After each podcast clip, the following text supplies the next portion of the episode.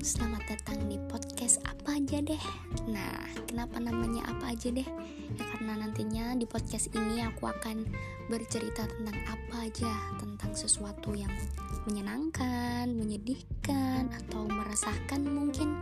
Nah, oke, okay, jadi kita have fun aja cerita-cerita gitu ya nantinya karena aku pribadi juga bukan tipe orang yang pinter ngomong Makanya dengan podcast ini adalah salah satu wadah buat aku belajar lebih lincah lagi buat public speaking gitu.